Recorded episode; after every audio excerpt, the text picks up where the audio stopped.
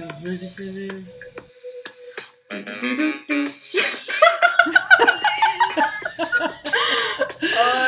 בוקר טוב לך, רגע, תני לי לשמוע את השיר. מניחה לי אותו מה ישר. זה, מה לא, זה. בוקר טוב, בואי לשמוע את השיר, יש לנו פה משהו שצריך. לעשות. ואת לא לא באה לשמוע. מוזיקה, מה זה זה? כן, האמת שכן. הפודקאסט הוא רק התירוץ, אני לא... תקשיבי, השיר הזה כל כך גרוע All שהוא טוב. Is another baby. ואני חייבת להגיד לך שזה רק מראה לך מה עושה MTV. אני אף פעם לא אהבתי את השיר הזה, ואני מכירה את כל המילים. עדיין. זה כמו האח הגדול, את לא רואה את זה, Mm. but it's everywhere. את יודעת מי בדיוק משתתף, את יודעת מי, מה קורה, מי ניצח.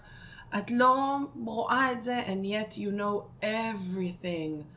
אני מאוד. שמחה להגיד ש-I know nothing. nothing. nothing. אז רגע, רגע, רגע, רגע. כן? בוקר טוב. אה, נכון, שלום. שלום, שלום. בוקר טוב. זה נכון, זה בוקר, זה שוב השעה המוזרה זה שוב. השעה שלנו. אצלך שבע, כן, ואצלי שלנו. שש. כן, זה לא כזה שלנו כפר, זה כבר. שלנו. יש לנו פה, יש לנו פה משהו, יש לנו פה משהו. אז אה, בוקר טוב ושלום לכם. תודה רבה ש, שאתם. מצטרפים ל- לעוד פרק של, אה, של הפודקאסט שלנו, של רוטרדם בת ים. אני ויק, אני יושבת לי ברוטרדם, ואני כמובן בסוודר, כי אלא מה. אנחנו עכשיו במה. אמצע יוני, אז אני בסוודר. אז uh, חוץ מלקפוא פה למוות, אני עובדת עם uh, סטארט-אפים וכל מיני יזמים שרוצים לקחת את הרעיון שלהם למקום אחר לגמרי ולעשות איזה משהו באמת מאוד מאוד מאוד מיוחד. את לא רצינית. אמ, מה עשית עכשיו? פתאום נקלטתי, חיביתי את זה. עכשיו אני צריכה לנקות את כל. הרעשים. לא, זה בסדר, בגלל זה קלטתי את זה ואמרתי, טוב, זה בדיוק פה, והיא הפסיקה לסיים לדבר, אז תוכל לחתוך את כל הקטע הזה. אני לא חותכת שום דבר מזה. אה, אז אני רותקה, את זה אתם כבר יודעים, אני יושבת בבת ים, שוב מתבשלת במיץ Mm. של עצמי בבית, ב... לדעתי מינימום 800 מעלות בחוץ, מקנאה בסוודר של ויק, Mm. זה? ואני עובדת עם אה, מוזיאונים ובתי ספר כדי לסייע להם אה, להטמיע טכנולוגיות וחדשנות בתוך תוכנית הלימודים, בתוך מערך הלימודים. מעולה. מהמם. אז, אה, אז אה, זה הפודקאסט השבועי שלנו, זאת העונה השנייה, וכל שבוע אנחנו עושות לנו איזו שיחה כיפית כזאת, ונותנים לכם את ההזדמנות לשמוע את השטויות שלנו, שזה מלא נחמד. לגמרי. אנחנו ממש אה, לא לוקחות עצמנו ברצינות, אז אם אתם רוצים ככה בידור של, אה, של חצי שעה, ואני אומרת חצי שעה, וזה אף פעם לא חצי שעה, לוסלי. זה, חצי שעה בשעות חתולים, או אני לא יודעת איך, איך להגדיר את זה. אז אה, בדיוק לפני שהתחלנו להקליט, אה, אמרת שגילית איזשהו משהו מצחיק. אה, זה לא שגיליתי, שמעתי פשוט אה, משהו נורא יפה, שזוגיות טובה, זה כמו שיהיה לך good hair day all the time. Mm. ואמרתי לעצמי, וואו, זה הדבר הכי יפה ששמעתי בחיים שלי. כן, האמת שזה, שזה מאוד יפה. שמסתדר לי השיער יפה כל הזמן. אתמול הסתדר לך שיער מאוד יפה, עם המבט נכון. המבוהל שלך. אה, נכון, ככה זה עדיין. כשהצער הוא פנימי, זה כל נכון. כך קשוח. אז זה השיער נכון. פשוט מתאזן, זה ככה בגוף שלנו, כשרע בחוץ טוב בפנים, and the opposite. אוי, זה יש כל כך איזה משהו נכון. כזה. את זוכרת בפליבג, שהייתה בלוויה של, אה, של אימא שלה, נכון. ופתאום כולם אומרים לה, אבל את נראית מהמם, מה עשית? והיא לא עשיתי כלום. מה, מה קרה לך? למה את קורנת? ממש. זה ממש... אה, ממש, אז כזה, בדיוק. יפה. יפה מאוד. אז היום יש לנו פרק אה, די מעניין, אני חייבת להגיד, ובסוף הפרק יש לנו, יש לנו איזה, לא אומרים תכשיט בעברית, איך אומרים? שיש לנו ג'אם, ממש, כאילו, בסדר, you can say jam, יש לנו... אני אוהבת שאני שואלת אותך, איך אומרים את זה בעברית? את יכולה להגיד את זה בעברית? אני אומרת, או, תודה. yes, לא, כאילו הכוונה שלי שיש דברים שבעברית, קודם כל כן אומרים תכשיט בעברית, יש לנו בשבילכם איזה תכשיט, יש לנו אוצר, יש לנו איזה מתנה, יש לנו... זה כזה, אבל זה, זה לא באמת, אוקיי, כאילו זה לא באמת. ג'אם. אוקיי. שבע בבוקר אני לא חושבת, אז זה כמו יש שהמורה לנו- שלנו לאנגלית אמרה, אם אתם לא יודעים להגיד משהו תגידו אותו בעברית עם מבטא באנגלית. או, לא יודעים מעולה. להגיד סתיו תגידו סטל. זה מעולה, זה כמו אם את רוסייה ואת לא יודעת לדבר שום שפה אחרת, פשוט תדברי יותר בקול. בטוח יבינו. כן, אז, אה, אז בסוף הפרק. יש לנו איזה משהו מאוד מאוד מיוחד, וזה משהו שכתבת לפני כמה שנים, ורועי אה, הלחין, אה, הלחין בשבילו מוזיקה על כלי מאוד מאוד מוזר. נכון. אני לא זוכרת מאיפה הכלי הזה, אבל... זה היה ממש הפתעה, כי ויק פשוט ביקשה ממני, אני שלחתי לוויק משהו שכתבתי, היא מהמם, אגב. וביקשה שאני אקליט אותו, את עצמי מדברת אותו. אז הקלטתי את עצמי מדברת אותו, ו... and lo and behold, פתאום את מקבלת בחזרה. מולחן. כן, קיבלתי את זה מולחן מרועי, וזה עלה ל SoundCloud, והייתי פשוט המומה מהדבר הזה. אה, אבל כן. אה, אז אנחנו כן. נשים את זה בסוף הפרק, ונראה לי זה מתחבר יפה לזה שהעולם שלנו די עולה באש. כאילו אנחנו פה ממש רוקדות על, אה, איך קוראים לזה? על, I don't know, בריקדות? על, על הבריקדות, זה, זה ממש Mhm. ככה, כאילו, לא מילולית, אבל, אה, אבל בהחלט, אה, אם אנחנו שמות את הפודקאסט הזה בקונטקסט של 2020, כן. best year ever. וואו, איזו שנה, איזו אז שנה. ארצות הברית שתיגמר אה, עולה לה. באש עם אה, ממש. Black Lives Matter, שזה Yeah, באמת מחאה שהיא חוזרת כל כמה זמן, כל כמה זמן ולא נפתרת. נכון. ראיתי איזה סרטון אה, די מדהים לפני כמה זמן של אה, אה, הפגנה, רואים בחורצ'יק בן 35, בחורצ'יק בן 46 וילד בן 16. ושני הגברים המבוגרים פשוט פורצים בבכי היסטרי, ואומרים לו, we failed, we failed, we've tried everything, but we failed, and it's on your hand now to save and rescue us. ואז הם אומרים לו, we've tried violence, we tried everything, you're not supposed to try violence, try a different way. והילד הזה עומד שם כולו חדור, כולו מוכן למטרה, ואני חושבת לעצמי, מי נותן לילד כזאת אחריות על הכתפיים? save us, rescue us. כי העולם שלנו לא אמור להיות כזה, העולם שלנו אמור להיות עולם טוב יותר שבו מבוגרים מטפלים בילדים ולא ההפך. הדרך הטבעית היא שילד קובר אימא, הילד הטבעית היא שהאימא מגדלת ילד, לא ההפך, כל משהו מחוץ לסדר הזה. אני לא מדברת על סדרים אחרים שאנחנו בעולם שלנו מבינים שהם פנימיים, הם אנושיים ולכן יש, הסדר שהוגדר הוא סדר דפוק. כמו למשל גיי לסביאנס, כמו למשל זה, שם הסדר מלכתחילה הוגדר כ- כסדר בעייתי. וזה, את זה צריך לשנות. אבל כשאנחנו מדברים על הסדר שבו העולם צריך לעבוד במובן הזה שהורה דואג לילד, מבוגר בעל אחריות וידע וניסיון, מטפל בדור שבא אחריו ונותן לו חיים טובים יותר, זה מה שצריך לקרות. וכשזה מתהפך, זה מוציא משליטה את הכל. את יודעת, רואים את זה גם הרבה בארץ, כשמגיעים עולים חדשים, ופתאום הילד הוא זה שמנהל את הבית, הוא זה שמדבר את השפה, הוא זה שמוליך את ההורים, שמטפל בהם. וההורה יוצא מאיזושהי שליטה, והרבה פעמים זה מביא המון בעיות לתוך הבית, ביניהם גם המון אלימות. אז אה, כי האבא או האמא צריכים להחזיר לעצמם איכשהו את השליטה. יש המון בעיות כשסדר כזה מתנתק. וזאת בעיה בעיניי, קשה מאוד, וזה לא פייר. זה מאוד מעניין מה שאת אומרת. אני קצת פחות, אה, אני קצת פחות מתחברת למשפט העולם לא צריך להיות ככה, כי את יודעת, אה, אני באה ממשפחה אה, של הרבה. מאוד פסיכיאטרים. הרבה מאוד, זה לא רק אבא, זה גם סבא וסבתא, ואותי גידלו על אה, אגדות האחים גרים. oh my God, באמת?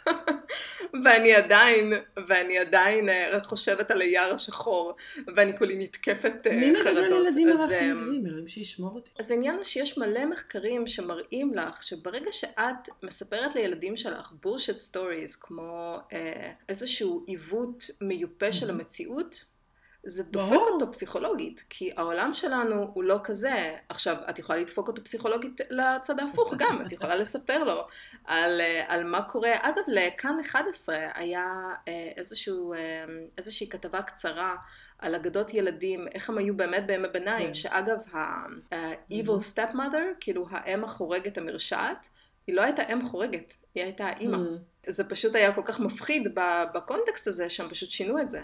והרבה אגדות עברו שינוי די רציני, אבל אמ, אם את חושבת על, על ימי הביניים ועל כל ההוצאות אה, להורג שהיו באמצע כיכר העיר, וזה היה הבידור שלך, וכשאת חושבת על האומנות, וכשאת חושבת על, המקום של הכנסייה, אולי להכין את הילד עם סיפורים של איך העולם אמור להיות, אולי זאת דרך לעזור לו לשרוד, כן? ואיך שאנחנו מסתכלות על העולם שלנו היום, להתחיל לייפות את כל הסיפור ו... ולהסתכל על uh, סיפור של שלגיה, או לא משנה, uh, לא משנה איזה סיפור של וולט דיסני, זה קצת, uh, כשאת יוצאת לעולם ואת מסתכלת על זה ואת אומרת, וואו, זה לא אמור להיות ככה, אבל, אבל מי אמר שזה לא אמור להיות? אני מסכימה איתך במאה אחוז שאת יודעת, סיפורי אגדות ואחים גרים וכל הדברים האלה מעוותים את המציאות באופן די...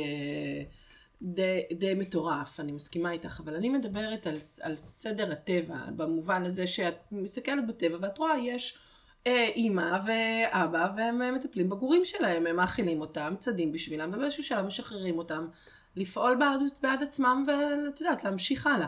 יש איזה מין מערכת מסוימת, ואת יודעת מה? הייתי אומרת אפילו, אני לא מדברת אפילו על עולם אופורי או על, איזושהי, או על איזשהו דמיון. יש כאן אחריות מסוימת, ואתה בוחר את המבוגרים שלך לכנסת ולא את הילדים שלך לכנסת, אתה בוחר את המבוגרים שלך שיעבדו במקומות עבודה ואתה אמור, אתה אמור במינימום לדאוג לזה שהעולם שהילדים שלנו יוצאים אליו יהיה במינימום פייר, פייר, אני לא מדברת על לא להילחם או לא זה, פייר, what the hell, Black Life Matter, למה אנחנו צריכים כל כמה שנים לנהל דיון סביב העניין הזה של של צבע עור. מה, what the hell is this? מה זה? כאילו, וזה לא נגמר רק בארצות הברית, זה קיים גם בארץ, זה לא שזה לא קיים בארץ.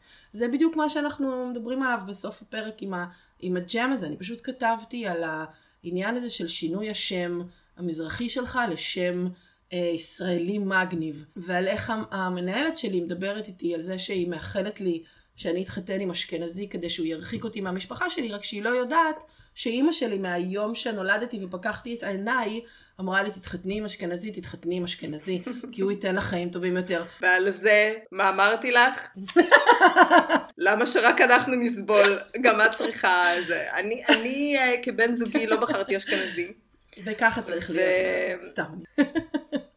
תשמעי, זה, זה משהו שאני מסתכלת עליו ואני אומרת, אה, אני לא יודעת, אה, כל אחד צריך לבחור את מה ש... את מה שמתאים לו, כן? וכמו שאני מדברת עם אה, חברה, חברה שהיא כמו אחות, כן?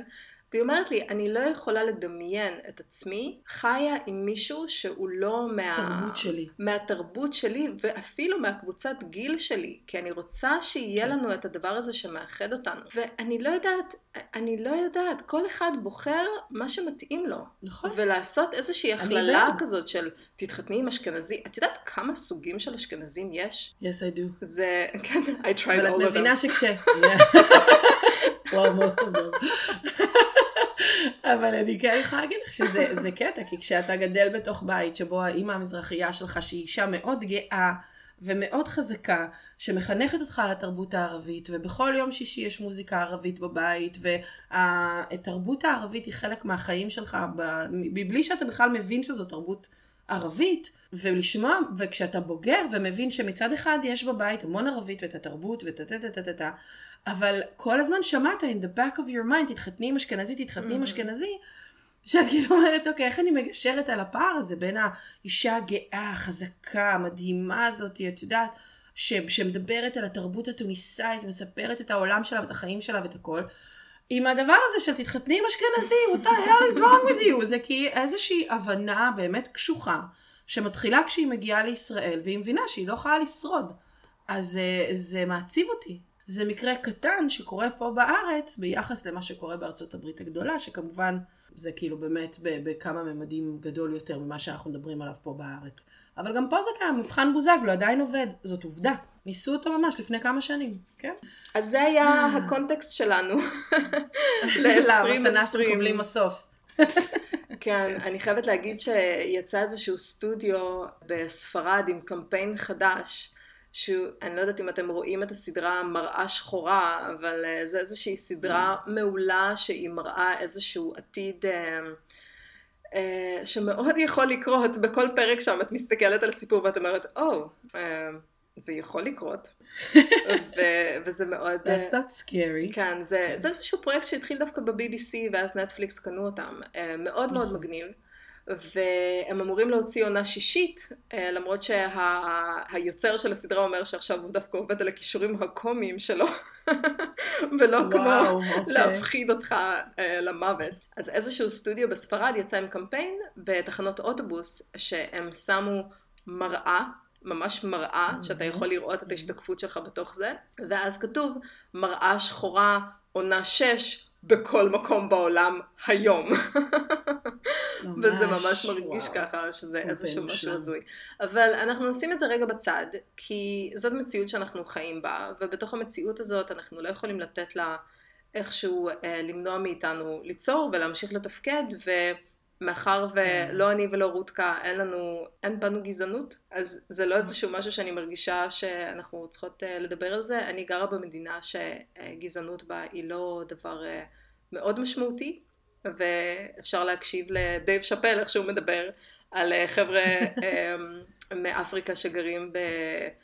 שכבר חלק נטמעו לגמרי בתרבות ההולנדית. כי הולנדים הם סוחרים, מה שמעניין אותם זה, זה מסחר, לא מעניין אותם, לא צבע עור, לא איזה שפה את מדברת, לא מה את, זה איך, איך אני יכול אה, לבנות פה עסקים לנצח. כן, למרות שהולנד, אה, את יודעת, היה לה את, הזמן, את הזמנים שלה. ברור, גם אם את מתרחקת מהערים הגדולות, כאילו, עוד פעם, אה, זה עם כוכבית, עם כוכבית כאן, אם את מתרחקת מהערים הגדולות ואת הולכת לאזורים היותר פנאטיים, אז ברור, ברור, אני לא עושה איזושהי אידיאליזציה, חס וחלילה.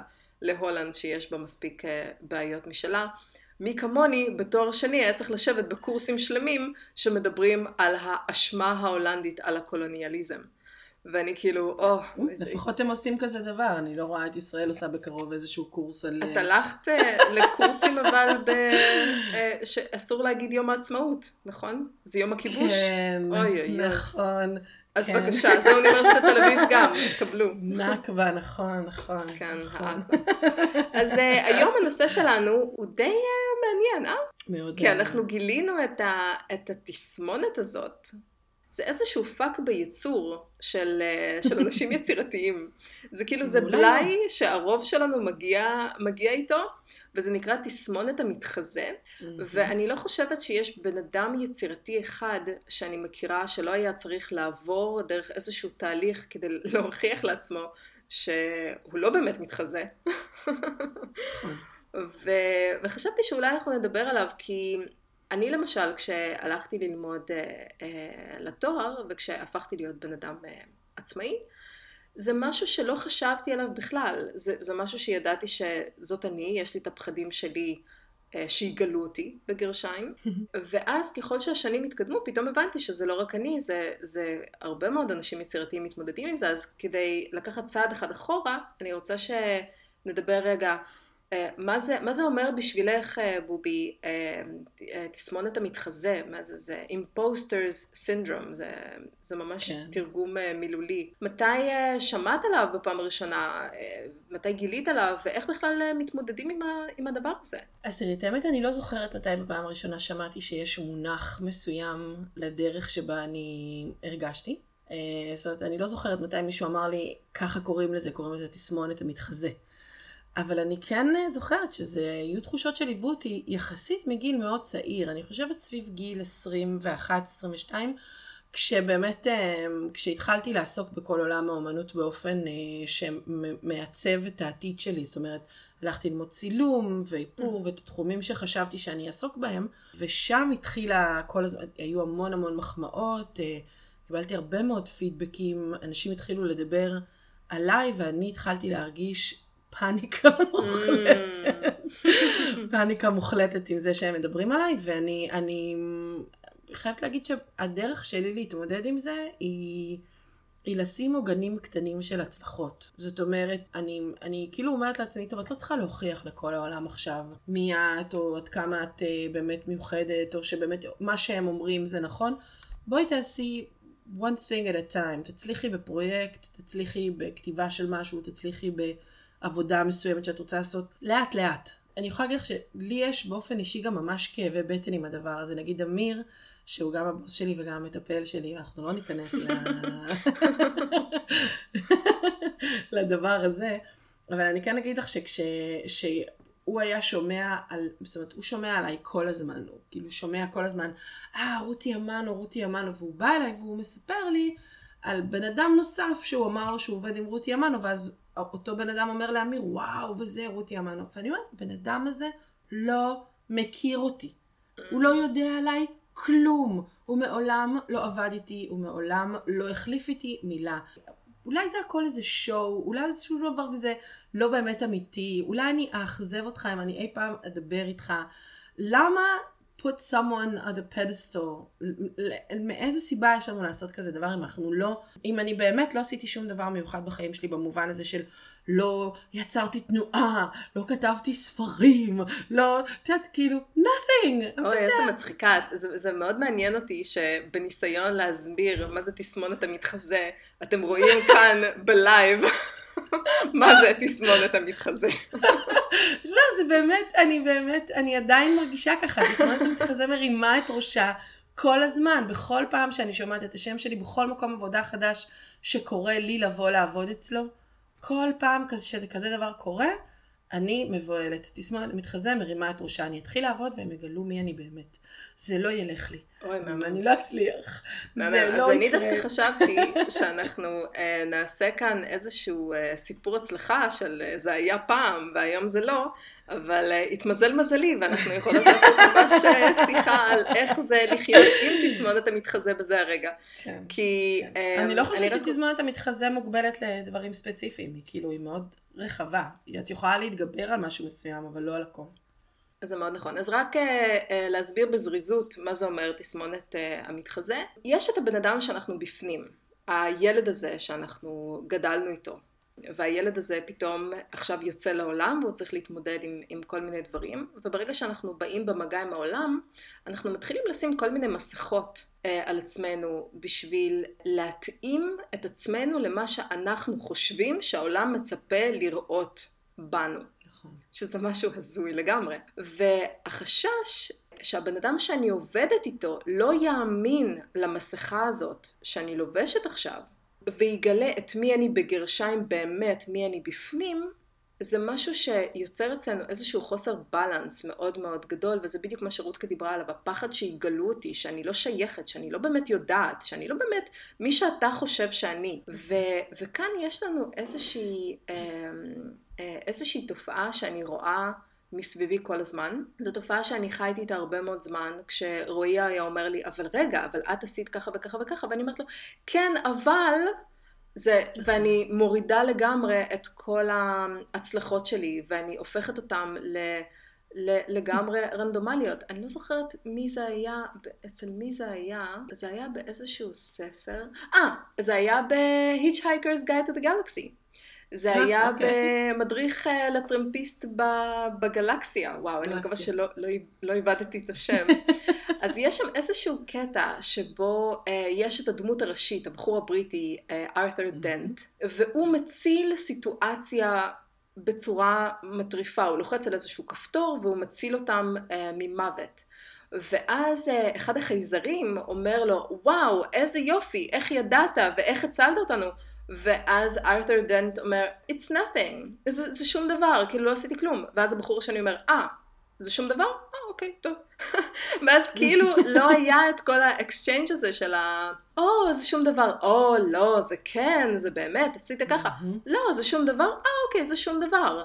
זה, זה בדיוק איך שהעולם רואה אותנו. אם נכון. את עכשיו מורידה את ההצלחות שלך, אז הבן אדם שאת מורידה את זה בפניו, הוא אומר, אה, אוקיי, אז זה לא כזה big deal מה שעשית. זה לא כזה big deal, כל, ה, כל ההצלחות האלה.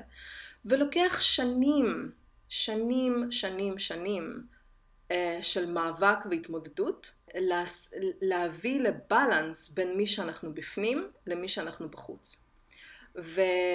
ומה שאני גיליתי אחרי הרבה מאוד, אה, אחרי הרבה מאוד אה, חיפוש אה, עצמי וטיפולים ועניינים כדי לראות איך אני יכולה להתמודד עם הדבר הזה, כי הסיבה שלי לפחות להתמודד עם תסמונת המתחזה זה כי לא, לא יכלתי לעמוד מול לקוח, לא יכלתי לעבוד, לא יכלתי לקבל את הכבוד שאני רוצה בעבודה, כי אני מורידה את הניצחונות שלי, ואז הם מסתכלים על הניצחונות שלי כלא ניצחונות בכלל, אז רגע, למה אני צריך לשלם לך כסף על זה? אם זה כזה ברור, ואם זה כזה שטותי, ואם זה כזה מובן מאליו, למה, למה אני צריך אותך בשביל שתעשי לי את הדבר הבנאלי הזה, שקלירלי כל אחד יכול לעשות. ומה שקורה זה שלוקח שנים להוריד את המסכה הזאת, ובאמת להרגיש מספיק בנוח, לעמוד מול העולם כמי שאנחנו באמת, בפנים. ויש כאלה שיקבלו, ויש כאלה שלא יקבלו. וזה מאוד מאוד לא פשוט, ואני חושבת שעכשיו בתקופת הקורונה, אנחנו ממש נחשפים לזה בצורה מאוד מאוד ברורה, כי מצד אחד, את נמצאת באמצע משבר כלכלי עצום, ואת לא יודעת, יצאת לעצמאות ואת לא יודעת איך העסק שלך הולך לתפקד עכשיו, ואת מתחילה אה, לעגל פינות מה שנקרא. את פתאום לא מתנהגת בצורה שהיית מתנהגת בזמן שבו יש יציבות כלכלית. את פתאום מתחילה להציג את עצמך בצורה שאולי את חושבת שהלקוח היה רוצה. למשל, את מגיע לך פרויקט, ואת קופצת על הפרויקט למרות שאת יודעת שאולי זה העבודה תהיה הרבה יותר ממה שהוא מוכן לשלם לך עליו. או אולי את לא תוכלי לעזור בצורה הטובה ביותר, או אולי את קופצת על איזשהו פרויקט שרק מביא לך כסף, אבל וואלה, משאיר אותך לא מאוד אה, מלאה מבפנים, אם אפשר להסתכל על זה אוקיי. בצורה כזאת. אז חשבתי שאולי כדאי לדבר על הדבר הזה כדי להבין מאיפה באמת מוצאים את הביטחון להציג את עצמנו כמי שאנחנו באמת לעולם, לא משנה באיזה סיטואציה אנחנו נמצאים. לא משנה אם אנחנו עכשיו יושבים בבית אה, בלי עבודה, או אם אנחנו לא יודעים מאיפה, מאיפה הלקוח הבא מגיע. ואני חושבת שדיברנו על זה פעם, בפרקים הקודמים, אני חושבת שזה איזשהו משפט מהקבלה, כן? שמה שאנחנו חושבים משפיע על מה שאנחנו אומרים, ומה שאנחנו אומרים משפיע על מה שאנחנו עושים. נכון. וברגע שיש איזשהו... זה לא רק מהקבלה, זה כאילו, זה, זה באמת אה, תורות שלמות שהן מתעסקות בנושא הזה של מה שאתה אומר, מה שיוצא, words matter. כן. מה שיוצא מהפה שלך מעצב מציאות. ומה שאתה חושב מעצב את מה נכון. שיוצא מהפה שלך, ואז מעצב את המציאות אה, שסביבנו. וברגע ש... ברגע שמשהו שם לא מסתדר, ברגע שאנחנו אומרים לא את מה שאנחנו חושבים, או אנחנו עושים לא את מה שאנחנו אומרים, נוצר איזשהו דיסוננס, ואנחנו יוצאים מנקודת הנחה שהבן אדם שעומד מולנו הוא טיפש. הוא מאמין למה שאנחנו אומרים לו. הוא לא, הוא לא רואה, הוא לא קורא בין השורות, אבל תמיד, תמיד, תמיד קוראים בין השורות. את לא יודעת בדיוק מה קורה, אבל את שומעת שמשהו מזייף, את שומעת שמשהו לא בסדר. וכדי שהדרך שבה אנחנו מתקשרים כלפי חוץ לא תרגיש מזויפת, חייבת להיות הרמוניה. והדרך היחידה לה, לה, להגיע להרמוניה הזאת, זה באמת להגיד את מה שאנחנו חושבים, ובאמת לעשות את מה שאנחנו אומרים. כי ברגע. שמשהו שם במשוואה לא מסתדר, זה פשוט לא, לא מסתדר. זה נכון מאוד. יחד עם זאת, אצלי יש איזה, איזה הפרדה בין השניים. זאת אומרת, על אף העובדה שאני באמת אעשה את מה שאני אומרת ואומר את מה שאני אעשה. זאת אומרת, אני באמת משתדלת להיות אדם מאוד אמיתי ומאוד כנה, שיש לו, שהוא לא אחד בפה ואחד בלב, אלא באמת הדברים שהוא אומר באים בהלימה עם מי שהוא ומה שהוא עושה. יחד עם זאת, יש את הפרספשן של איך העולם תופס אותך. ושם בעיניי תסמונת המתחזה מרימה את ראשה. כי הרבה פעמים אני לא שולטת באיך אנשים תופסים אותי, ואנשים שמים אותי באיזשהו מקום שהוא גדול יותר. זה כמו שהייתה ביני לבינך בדיחה, כשדיברנו על הנושא של, אה, על העניין של המאבק, ואז אמרת כזה, אמרתי לך, it was a group effort, ואז אמרת לי, כן, the group effort, את עשית הכל וזה וזה, וזה ממש אה, הפריע לי, כי זה לא היה נכון. זו התפיסה שיש להרבה אנשים בחוץ. I swear, אני נשבעת ביקר לי, זה באמת לא היה אני לבד. זה נכון שמה שקרה בפועל זה שפשוט בי ירו קצת יותר, כי משום מה היא שמה אותי כמי שניהל את הדבר הזה. אבל זאת לא הייתה המציאות, זה לא היה מה שקרה בפועל. בפועל כולם שמו כתף ועבדו מאוד קשה. כדי שהדבר הזה יצליח, וההצלחה הזאת הייתה הצלחה מטורפת של כולנו. בגלל זה גם החברות היא כל כך חזקה עד היום. כי כולנו עבדנו כמו גוש אחד, ואנחנו עדיין חברים היום. אז הדבר הזה הרבה פעמים, איך שזה נראה כלפי חוץ, מעצבן אותי, כי אני אומרת, את יודעת, אתה, אתה יכול לבוא ולהגיד, אוקיי, בוא, בוא תעשה איזה משהו, או בוא תקחי איזשהו משהו על סמך זה שעשית את הדבר הזה, ואני אומרת לך, לא, אני לא יכולה לעשות את זה. זה שאתה חושב שאני יכולה לעשות את זה, זה נחמד, אבל אני יכלתי לעשות את זה כי הייתה פה הצטרפות מקרים בכמות אנשים שאפשרה לדבר הזה לקרות. אני לא יכולה לשכפל את זה בכל סיטואציה, אני לא מומחית. הרי זה ההבדל בין חובבן לבין מומחה. חובבן יכול להצליח פעם, פעמיים, מצליח לו. לכולנו מצליח. מומחה יודע להביא תוצאות פעם. אחרי פעם באותה סיטואציה, או מול סיטואציות שונות, או מול סיטואציות קשות יותר או חלשות יותר, הוא יודע להביא תוצאות. ואני לא מומחית בדברים האלה שאתם הרבה פעמים אומרים, אה וואו עשית וזה וזה, איזה יופי בואי תעשי. אבל לא, תראי איזה not. יופי זה. תראי, תראי איזה יופי הדבר הזה שאמרת אותו עכשיו. כשאנחנו מדברים על הרמוניה בין מה שאנחנו חושבים, אומרים ועושים, זה בשום פנים ואופן לא מרמז על זה שיש לך איזושהי שליטה על איך הבן אדם השני הולך לתפוס אותך. כן. את לא יכולה לשלוט באיך שבן נכון. אדם אחר הולך לראות אותך. הדבר היחיד נכון. שאת יכולה לעשות זה להיות בהרמוניה עם עצמך, ואת יודעת בלב שלך שאת לא רימית אף אחד. את לא עשית איזשהו נכון. משהו, כי לא, אין שם איזשהו דיסבלנס. וזה שאנחנו חושבים בראש ואומרים בפה, אני לא מומחית, אני לא יודעת, את שוברת לעצמך את הרגליים. את כאילו לא מאפשרת לעצמך להפוך להיות מומחית ולהפוך להיות אספצית, כי את לא... את, את בולמת את עצמך. את פשוט מתחילה לנהוג, מעניין. ואת מרימה את הארמברקס. וואו, וואו, ש... שש זה בבוקר. מעניין. שש בבוקר עושה לך טוב, מה, אני רק רוצה לומר. תקשיבי, אני אומרת לך, אבא תמיד חלם שאני אהיה פסיכולוגית. כן. כן, אז uh, יפה מאוד. אני חושבת שזה, שזה משהו שהוא מאוד uh, באמת מעניין uh, לדבר עליו ולחשוב עליו, ואני רגע, חושבת... רגע, רגע, אני רוצה לדעת איך זה אצלך. חמודה. אה, שאנחנו נשים תסמונת, אותי פה על זה, ברור. תסמונת המתחזה. רוצה לשמוע. אז- אז אני חייבת להגיד לך שכן, אה, אני עברתי דרך מאוד מאוד ארוכה, והדרך הזאת התחילה ממקום שבו אני תמיד ראיתי את עצמי שיש לי מלא ביטחון עצמי, כי אני משדרת אותו כלפי חוץ. זה ברור. מהמם, אני נכון. משדרת אותו כלפי חוץ. מה, מי, מי יגיד עליי שאין לי ביטחון עצמי כשאני עומדת מול לקוח, או כשאני עומדת מול כיתה שלמה של אנשים, או הרצאה, או מעבירה מחקר, או לא משנה, מי, מי יכול להגיד עליי כזה דבר? ואז פתאום אני זוכרת שבאחת השיחות שלנו, דיברנו עם רועי, והוא אמר לי שזה החוסר ביטחון שלך, הוא זה שגורם לך לככה וככה וככה. ואני אמרתי לו, מה השתגעת? איזה חוסר ביטחון? אני הבן אדם עם הכי הרבה ביטחון שאני מכירה, חוץ מרועי, כן? כי זה, זה מוגזם. אז, אה, וגם אצלו, אגב, תסמונת המתחזה מרימה את ראשה מכוער לעיתים מאוד מאוד קרובות. אה, ברגעים מאוד לא צפויים. אז זה, זה מאוד מעניין שהוא באמת אמר לי שהעניין הזה אצלי מגיע ממקום של חוסר ביטחון, והתחלתי ממש להסתכל על זה בצורה די רצינית, וכאן גיליתי מה הבעיה. מה שאני חשבתי לא טעם למה שאני אומרת ומה שאני עושה. כי מצד אה, אחד אני אוקיי. אומרת, אני משדרת ביטחון, אני עושה את מה שאני עושה, אבל בראש שלי אני כל הזמן חושבת, את לא יכולה לעשות את זה, או זה שטויות, מה שעשית פה זה לא big deal. ואז בעצם נוצר איזשהו דיסוננס ויש חוסר הרמוניה מוחלטת. וברגע שאת מבינה את הבעיה, את ממש יכולה אה, לעשות לזה ממש כמו, אה, אה, איך אומרים לזה? לייזר חיתוך, pointing. cut. ממש ממש ממש לעשות אה, חיתוך כזה מאוד מאוד אה, ברור, והגדרה מאוד ברורה מה הבעיה שאת צריכה להתמודד איתה, את יכולה לפתור אותה. כשאת לא יודעת שאת צריכה לפתור משהו, את לא יודעת איך בכלל לגשת אליו. אז בעצם היה לי מאוד מאוד חשוב עכשיו לקחת את מה שאני חושבת באמת, ולשנות אצלי את המחשבה מ"אני לא יכולה" ל"אני יכולה". אני פשוט יכולה. אין דבר כזה שאת לא יכולה. ואם את אומרת את זה מספיק פעמים לעצמך, את תתחילי להאמין בזה בשלב מסוים. ואז בעצם נוצרת לך איזושהי הרמוניה בין מה שאת חושבת, כי את חושבת שאת יכולה. את אומרת שאת יכולה ואז את עושה, אז יש הרמוניה מוחלטת. נכון. ככל שאת עושה את זה יותר פעמים, את הופכת להיות מומחית בתחום הזה. אז את באמת רואה שאת יכולה, ואת באמת אומרת שאת יכולה, ואת באמת יכולה.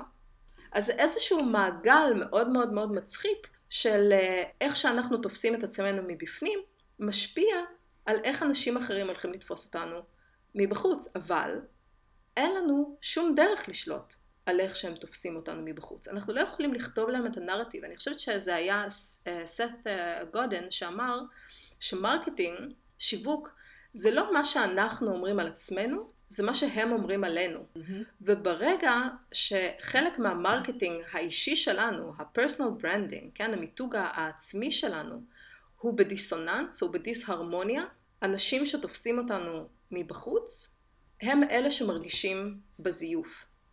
אז בעצם במקרה שלך למשל, את פשוט צריכה לשנות אצלך את המחשבה מ- אני לא יכולה, אתם תופסים אותי כמישהו, טה טה טה טה טה, את צריכה פשוט להגיד לעצמך, כן, אני כן יכולה. ולהמשיך Mhm. להגיד את זה שוב ושוב ושוב ושוב. לעשות דברים, להגיע לאיזה שהן הצלחות, לא משנה איך את מגדירה הצלחה. אה, את יכולה להגדיר הצלחה לקום מהמיטה כל בוקר ב- ב- בשש בבוקר, כן? זה גם איזושהי הצלחה שמראה, אני יכולה עכשיו לה- להעמיד את העסק שלי, אני יכולה עכשיו לעשות את הדברים כדי להצליח. אז בעצם כאן כל הזמן צריך לחשוב בראש, אם יש לך את הקול הזה שאומר, את לא יכולה לעשות את זה, את מיד אומרת לקול הזה, אני כן יכולה לעשות את זה. וכשאנחנו דיברנו עם רועי על הנושא הזה, אז תמיד אני, אה, אחד מהתרגילים המאוד אה, מועילים, לקחת את הקול הזה בפנים, שאומר, את לא יכולה, את לא שווה, את לא בלה בלה בלה, להוציא אותו החוצה ממך ולשים אותו לידך. זה כמו איזה שד כזה, שהוא יושב לידך. הוא תמיד איתך, הוא לא הולך לשום מקום. הוא איתך, לפעמים הוא רועש יותר, לפעמים הוא רועש פחות, וכשאמרתי את זה לרועי, הוא אומר לי, וואו, זה ממש מוזר שאת אומרת את זה, כי אני שומע את הקול הזה מבפנים, אני חושב שזה בפנים. וברגע שאנחנו מוציאים את, ה, את היצור הזה, שלא תורם לנו בשיט לשום דבר, אנחנו מוציאים אותו ושמים אותו לידינו, יותר קל לעשות לו מיוט, יותר קל לנטרל אותו. זה הדרכון שלך? אני אוהבת את זה. לא. אה, מה הולך? מה לא? זה- זה הדרכון שלך. לא, זאת אה, מחברת. אה, זאת אה, מחברת שנראית כמו דרכון. שנראית כמו דרכון, כתוב עליה תל אביב. אומייגאד, אה, איזה גאוות. יחידה. איו, איזה גר. כי אני מכריחה את רותקה לכבות. את המזגן. כי אני... ולסגור את עצמי בתוך הכבשן אש עם החלון כי אני בן אדם נורא. והשמונים מעלות שיש בחוץ. כי אי אפשר. אני- אי אפשר, לא אין לנו נוזלת סטודיו. אין לנו כן. סטודיו, ואז אני רואה פתאום את, ה... את המניפה הזאת בצורת דרכון, ואני אומרת, תגידי, מה זה הזלזול הזה לדרכון ישראל? כן, אבל זה, אבל זה בדיוק ההפך, זה גאוות יחידה מטורפת. מטורפת. אוקיי, יפה. אז אני חושבת שמיצינו את, ה... את הנושא הזה בכל אופן. זה היה איזשהו. רגע של טיפול פסיכולוגי על הבוקר. ואני חושבת שלהתחיל שבוע ב- בלהאמין בעצמך, זה איזשהו משהו ש... את יודעת, אני כן. מאוד אשמח אם, אה, אם מישהו בבוקר יגיד לי, את יכולה, ואת אימא מצוינת, ואת טה טה טה, וטה טה טה, וטה טה טה, ואני אני אומרת, כן, וואלה, זה נכון, אני קמה, ויאללה. אז לכל השומעים שלנו, אתם מצוינים, אתם נהדרים ונפלאים, go do. Stop thinking about it and go do. כן. לא אתה שאול, you suck. סתם, אני סתם המצאתי שם. כן. אה, אוקיי, אז אה, אנחנו נעבור לנושא הבא. אני חושבת שוויתרנו על המנגינות אמצע של הטופ טופ טופ, אבל... אה, לא, אבל הנה עשית אותה. אוי, shit! עשיתי אותה, טופ טופ טופ, כן. זה, זה האפיונים המיוחדים של העונה השנייה, שאנחנו רוצים לעשות איזשהו transition. אני זוכרת שב... אה, אני חושבת שזה היה ב Daily Show, שטרוור נואה רק התחיל לעבוד, אז אה, לא היה להם תקציב לעשות כל מיני אה, גרפיקות כאלה מרשימות, והוא פשוט היה אומר, moving on, whoosh, והיה אומר את, ה, את הדבר הזה, whoosh, ואז מה שקרה זה שאחרי שהוא עשה את זה מספיק פעמים, פתאום הגרפיקה המאוד מאוד מרשימה הצטרפה לסגמנט, ואז הוא לא היה צריך לעשות את ה whoosh הזה יותר. אז אולי יום אחד גם נשים מוזיקה של טו טו טו. יהיה לנו בופ דופ דופ דופ. כן. כן.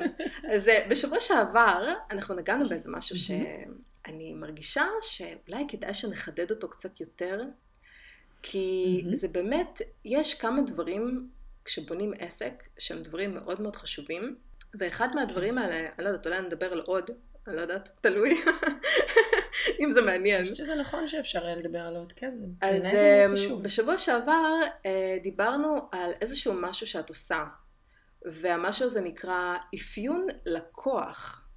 נכון. ודיברת, הזכרת ככה כדרך אגב, שזה לקח לך איזה ארבעה ימים או משהו כזה לעשות את נכון. האפיון לקוח, נכון. ואני מכירה אותך, ואני יודעת מה זה אומר Mhm. בשבילך להשקיע ארבעה ימים במשהו, אה, שזה משהו שהוא לא מציאותי, כאילו אם אני עכשיו אומרת לך, ממי אנחנו עושות טה טה טה טה טה, וזה ייקח ארבעה ימים, זה לא הולך לקרות, כי, כי כן. אין זמן, אין זמן, ואני גם לא אבקש ממך, כי אני יודעת מתי את מתחילה את היום, ויותר גרוע, אני יודעת מתי את מסיימת אותו, מסיימת אותו. אם בכלל.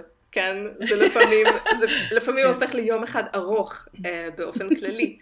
אז אה, בואי נדבר רגע על אה, מה זה בכלל אפיון לקוח, מאיפה, מאיפה את יודעת איך לאפיין אותו, ואיך לעזאזל מצאת את המוטיבציה בכלל לפנות את הלו"ז שלך בצורה כזאת שאת יכולה לקחת באמת ארבעה ימים, שזה לא תהליך כיפי, כן? זה לא איזה משהו נכון. שכיף לעשות. ובכל זאת, אה, ובכל זאת עשית אותו. אה, אז אפיון לקוח זה בעצם, אה, זה תהליך מחקרי. אתה צריך להרכיב את האדם שעבורו אתה רוצה למכור את השירות שלך. זה האפיון לקוח. אתה צריך לדעת מי זה הבן אדם הזה, ורובנו אומרים שכולם זה הלקוחות שלנו. בדיוק, נכון. שזה יכול להתאים לכולם. זו טעות מספר אחת, מהמם. בדיוק, זו טעות מספר אחת, כי לא, זה לא יכול להתאים לכולם. א', בגלל שככל שאתה מצמצם את היכולות שלך, את, ה, את, ה, את הלקוח שלך, ככל שאתה מאפיין אותו יותר, מתבהרים לך המון המון דברים. מתבהרים לך איפה הוא נמצא, מתבהר לך איך אתה מגיע אליו, מתבהר לך מה נכון לו ומה הוא צריך, מה הפחדים שלו, מה החששות שלו, ואיך הדברים שאתה עושה יכולים לסייע לו להגיע לפתרון הזה. ומאחר ואנחנו לא עושים מוצר שבאמת תואם לכולם, זאת אומרת, אני יכולה להגיד, המוצר שלי הוא מוצר שעוסק ב... המוצר שלי עובד עם בתי ספר שצריכים את כל הנושא של טכנולוגיה ו... וחדשנות, שיסייע להם בעצם להעביר את השיעור ואת את הדברים בצורה הרבה יותר קלה לתלמידים שלהם, כשהמטרה המרכזית היא לצמצם את הפער בין התלמיד לבין המורה. יש פער שהולך ונפער, התלמידים והמורים הולכים ונהיים יותר ויותר רחוקים אחד מהשני, ואני רוצה לצמצם את הפער הזה, וטכנולוגיה היא אחת הדרכים. וכשאני אומרת כזה דבר זה נשמע נפלא ונהדר ועל פניו זה נשמע כאילו כל בתי הספר צריכים להתעסק בזה ולכולם יש את העניין אבל זה לא נכון כי לא כל בתי הספר יכולים להתעסק בזה ולא כל בתי הספר רוצים את זה ולא כל בתי הספר מבינים את הצורך של הדבר הזה ולכן הצמצום הוא ממש האפיון המדויק שגם בסופו של דבר משחרר אותך לקום ולעשות בצורה הרבה יותר ברורה, הכל מתבהר לך.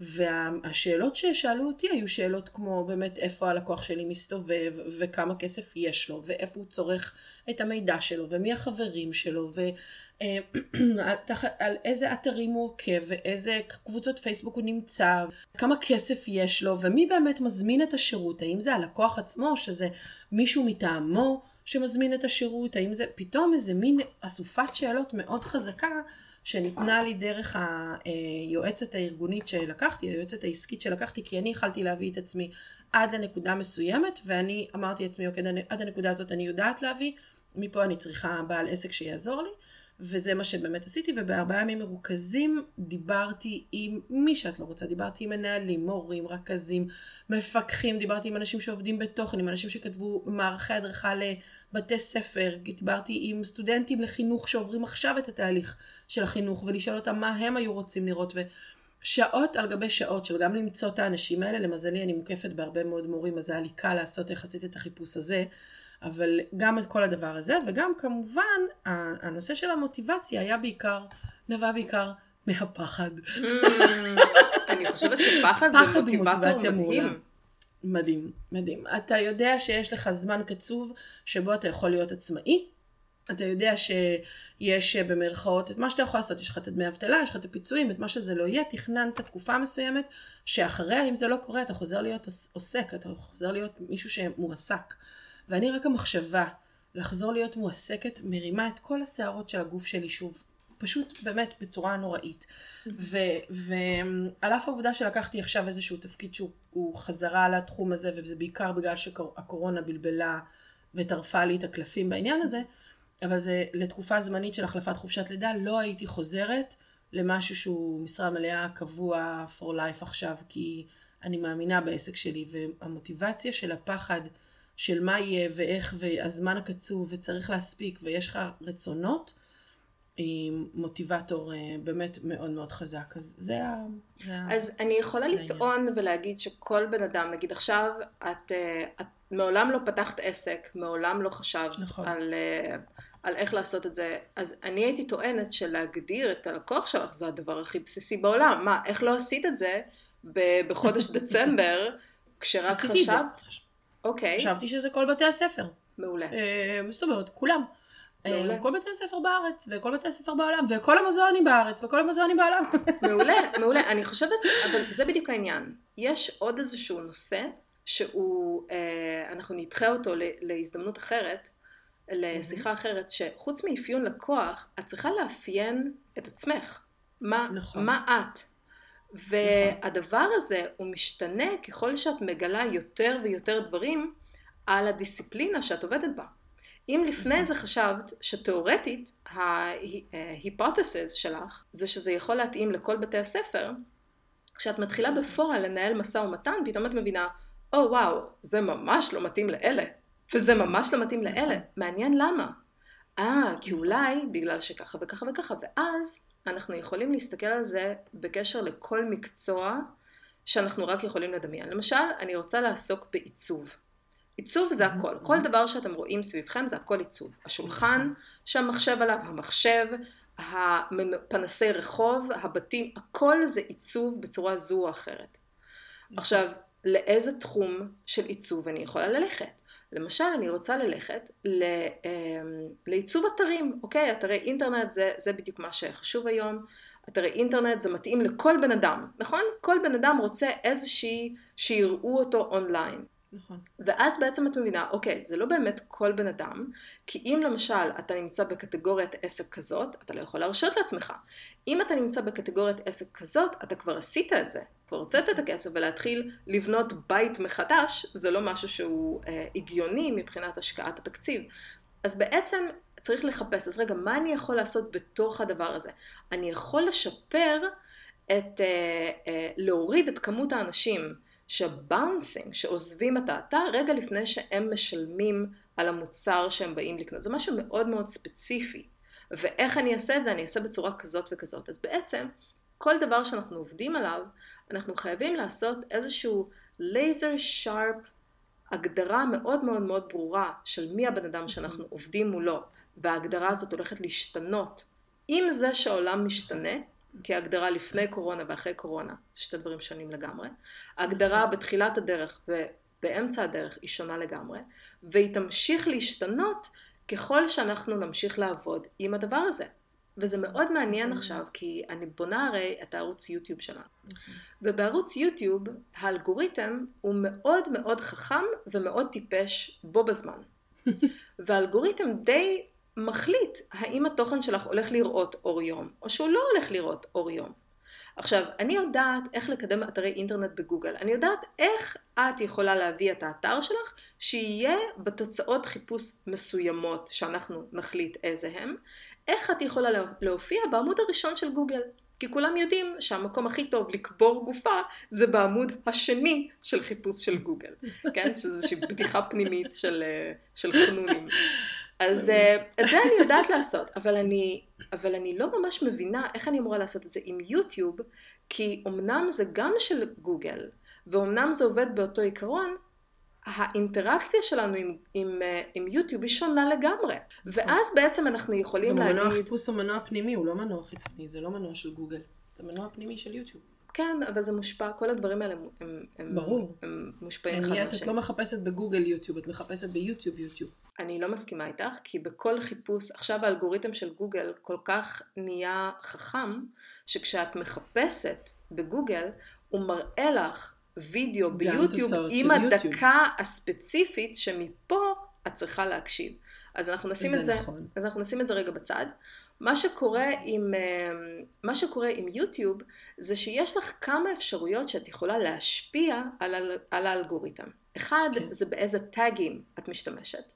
ואם למשל את עושה וידאו על חינוך ואת כותבת בגדול בתי ספר, אז מהמם. איפה אני אמורה לשייך אותך? את יותר מדי מפוזרת. בתי ספר זה יותר מדי גדול. זה כמו שאני אגיד, אני בתחום עיצוב. עיצוב של מה? עיצוב כן. למי זה מתאים. אני לא יודע כאלגוריתם לשייך אותך לאן בדיוק את אמורה ללכת. ואז יש לך את התיאור של הוידאו. מה את מספרת על עצמך? איך את הולכת לעזור למישהו עם הבעיה שהוא מחפש פתרון לה? כי אם את רוצה רק לדבר על עצמך. זה לא מעניין אף אחד. אם את נכון. רוצה לספר איך את יכולה לעזור, אז את חייבת לכתוב את זה בתיאור. ואז יש לך את האלמנט השלישי של מה את אומרת תכלס בתוך הוידאו. כי האלגוריתם מבין בסביבות 90% מהמילים שאת אומרת באנגלית, כן? שאת אומרת בוידאו. ואת חייבת להיכנס לתוך משהו בגרשיים מבין, ולתקן אותו קצת, כי לפעמים הוא לא מבין את מה שאת אומרת, במיוחד אם אנגלית היא לא שפת האם שלך, או במיוחד אם המיקרופון שלך הוא לא משהו, או במיוחד אם פתאום התברברת או התבלבלת, או לא משנה מה, ומשום מה לא ערכת את זה החוצה. עכשיו, כל הדברים האלה הם מאוד מאוד משפיעים על האלגוריתם. ולא רק על האלגוריתם, גם על הבן אדם שמולו את הולכת לעבוד. ואני חושבת, כשאנחנו בונים אתר אינטרנט, או אנחנו בונים ערוץ אה, יוטיוב, אנחנו תמיד תמיד תמיד חושבים מי לדעתנו יכול להתחבר לדבר הזה. אז אם אנחנו עכשיו מסתכלים על איך שאני מציגה את עצמי, שאני אה, בונה שיווק אה, ואסטרטגיה, אני חושבת שבאנגלית זה נשמע קצת יותר אה, קליל, אה, אני פשוט מתרגמת את זה לעברית, אז סליחה אם זה נשמע קצת עילג. אמ-המ. ואני עובדת בשביל סטארט-אפים ויזמים. עכשיו, הסיבה שאני אומרת את זה בצורה כל כך כללית, זה כי אני לא באמת מנסה למכור משהו בפודקאסט הזה, אני בסך הכל רוצה להציג את עצמי.